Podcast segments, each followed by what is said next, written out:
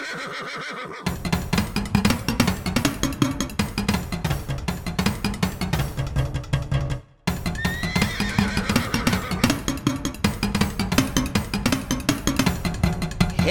ja hyvää joulua!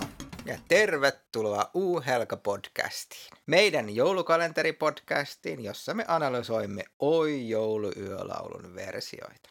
Mun nimi on Tomi. Ja minä olen Johanna. Me ei olla muusikoita eikä musiikkitietäjiä, mutta se ei tietenkään estä meitä esittämästä erinäisiä mielipiteitä tästä laulusta. Suosittelemme, että nyt ennen kuin aloitetaan, pistät jakson paussille ja menet meidän nettisivuilla ohelga.blog, josta löydät linkin päivän versioon. Ja sitten avataankin viimeinen luukku, eli luukku numero 24. Hej, god jul! Och välkomna till podcasten O helga. En liten kvart där vi analyserar olika versioner av sången O helga natt. Jag heter Johanna. Och jag heter Tommy. Vi är inte musiker och inte är vi musikvetare. Men det hindrar förstås inte oss från att ha åsikter om olika versioner av den här sången. Vi rekommenderar att du nu pausar den, det här podcastavsnittet och går in på vår blogg ohelga.blogg där vi har lagt ut länkar till dagens version. Sen öppnar vi den här julkalenderns sista lucka, lucka 24.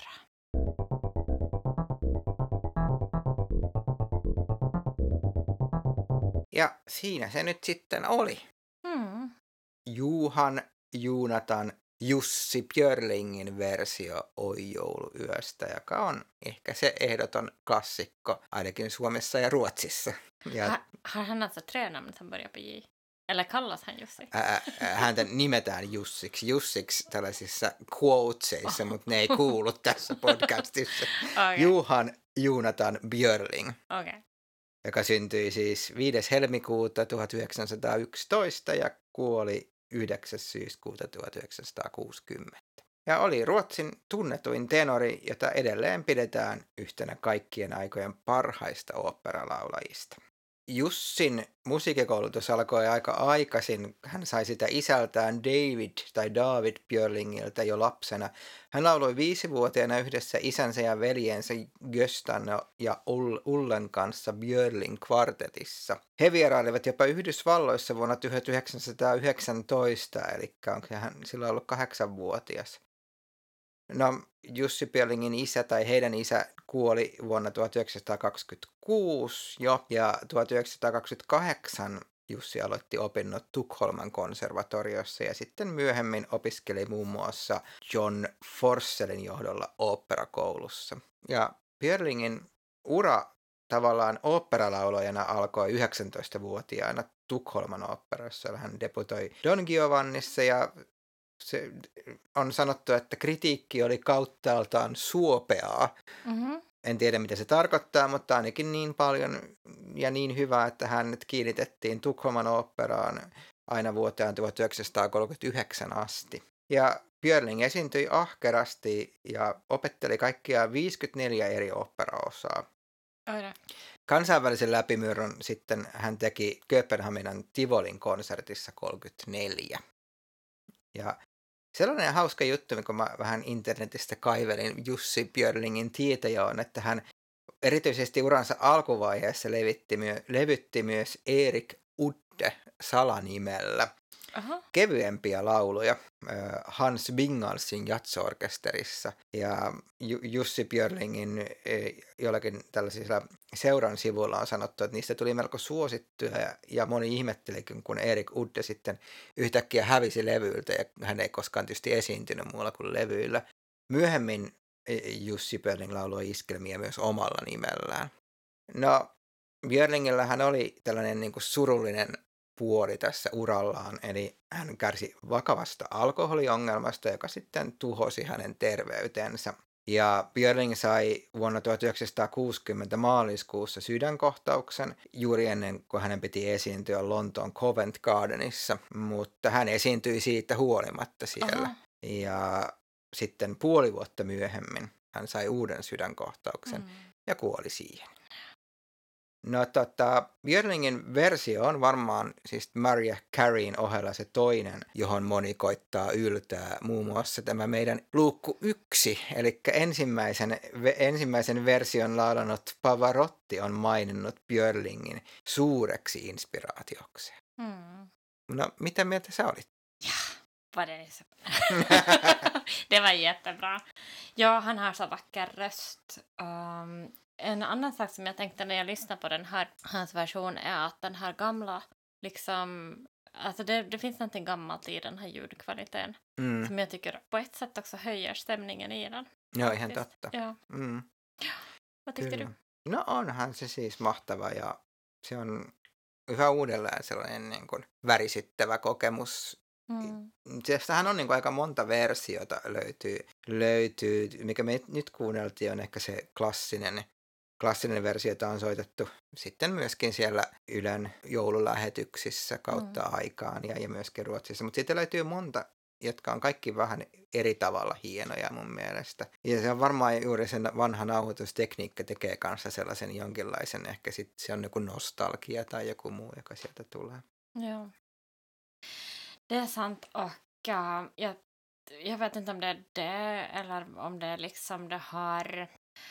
Alltså när jag lyssnar på den här versionen så tycker jag att, att det finns att han använder sig av flera olika röster Mm. när han sjunger. Att det finns på något sätt den här berättarrösten som berättar den här historien om vad som har hänt. Och så finns det den här mäktiga folkfångledarrösten som jag föreställer mig att det är som en sån här krigisk änglakör.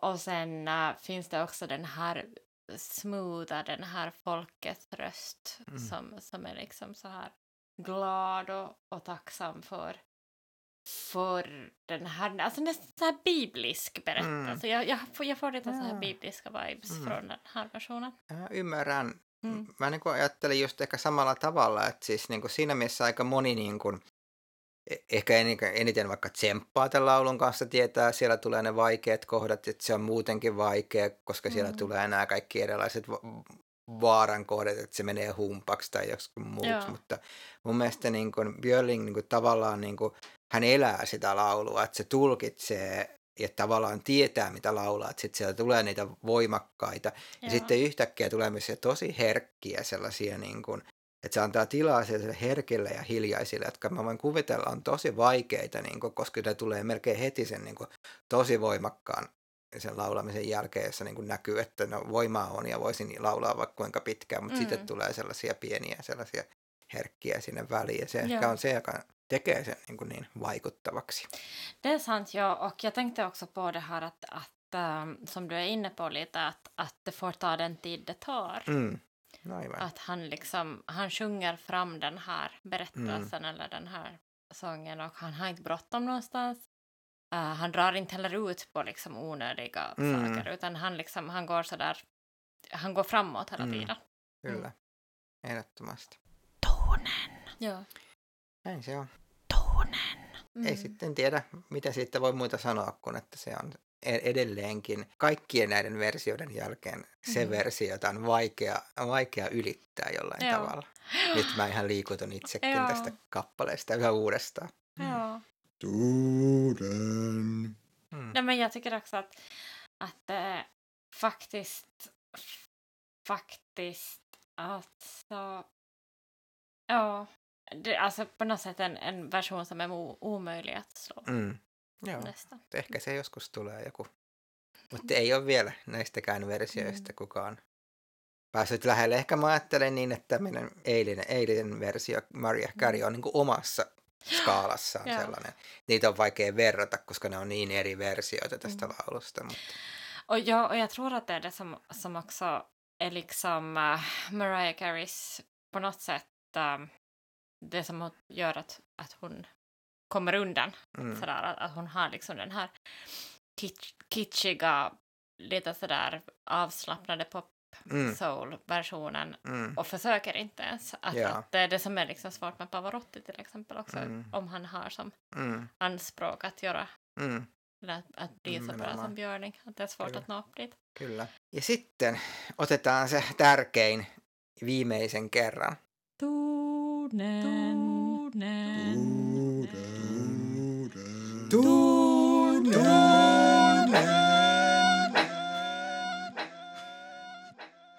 Mm. Eli ton. Tonen. Alltså först hade jag äh, tänkt skriva en sån liknelse som att han går, går på tonen som med flugsmättan på en fluga sådär utan att, att tveka en sekund. Men så tänkte jag att, att det är fel liksom, metafor. Så att det här jag skrev om det, att han går direkt på tonen som att man skulle äh, äta den godaste konfekten ur sin julkonfektlåda. Mm. Och han gör det bara. Mm. Det är um, rakt på, det är mödolöst och det är Mm. Ja. vackert, mycket vackert. Se on upea, joo. Tämä on se, mihin ne muut pyrkii. Mm. Mutta se on niin kuin, this is it. Mm. Et siis, mutta se on just se, että se ei niin kuin, se vaan niin kuin tavallaan nauttii ja laulaa sitä niin, Mm. että se ei ole siinä, siinä ei samalla tavalla kuin Maria Carey ei yritä hypätä tai ottaa vauhtia, niin samalla tavalla Jussi Björling vaan niin kuin sitten laulaa sen. Ja. Et se on hieno se. Se on ehkä se, joka sitten niin kuin koskettaa myöskin, että se on Mm. niin puhdas. Jättefint. Mycket vackert. Och um, ja, ja, jag tycker också om hans röst överlag. Uh, men jag tycker att det kanske är just där i den, det partiet som den speciellt kommer fram. Mm. Kyllä, joo, joo se niin kuin tavallaan. Mutta siinä on niin kuin mun mielestä Jussi Björlingin ver- laulussa tai tässä versiossa, on, että se, se on se koko laulu. Että aika monella on se juuri, että se on se viimeinen, mihin sitten pyritään kaikki muut humpataan tai Mm. miten mennäänkään. Mutta tässä se koko laulu tavallaan on se ja sitten se vaan niin kuin, tavallaan kulminoituu siihen. Ja. Mm. No hyvä. Tätä mieltä me oltiin Björlingin versiosta ja näistä kaikista muistakin versioista. Ja jos haluat, mene meidän nettisivuille uhelka.blog ja käy kommentoimassa, mitä mieltä olit Jussi Björlingin versiosta tai miksei mistä tahansa muustakaan versiosta. Så tyckte vi alltså om Jussi Björlings version. Du får gärna gå in på vår blogg ohelga.blogg och kommentera vad du tycker. Alla de här versionerna som vi har lyssnat på i den här adventskalendern kommer att finnas på en spellista på Apple Music och Spotify och länken till den spellistan hittar du också på ohelga.blogg. Aivan, eli kaikki nämä meidän 24 kappaletta löytyy soittolistoina sekä Apple Musicista että Spotifysta ja linkit näihin listoihin löytyy meidän nettisivulta uhelga.blog. Vi önskar dig en riktigt god jul. Hoppas att du njuter av julaftonen och får en riktigt helganatt. Me toivotaan oikein hyvää joulua ja ihanaa jouluyötä. Mm. Moi moi! Hej då!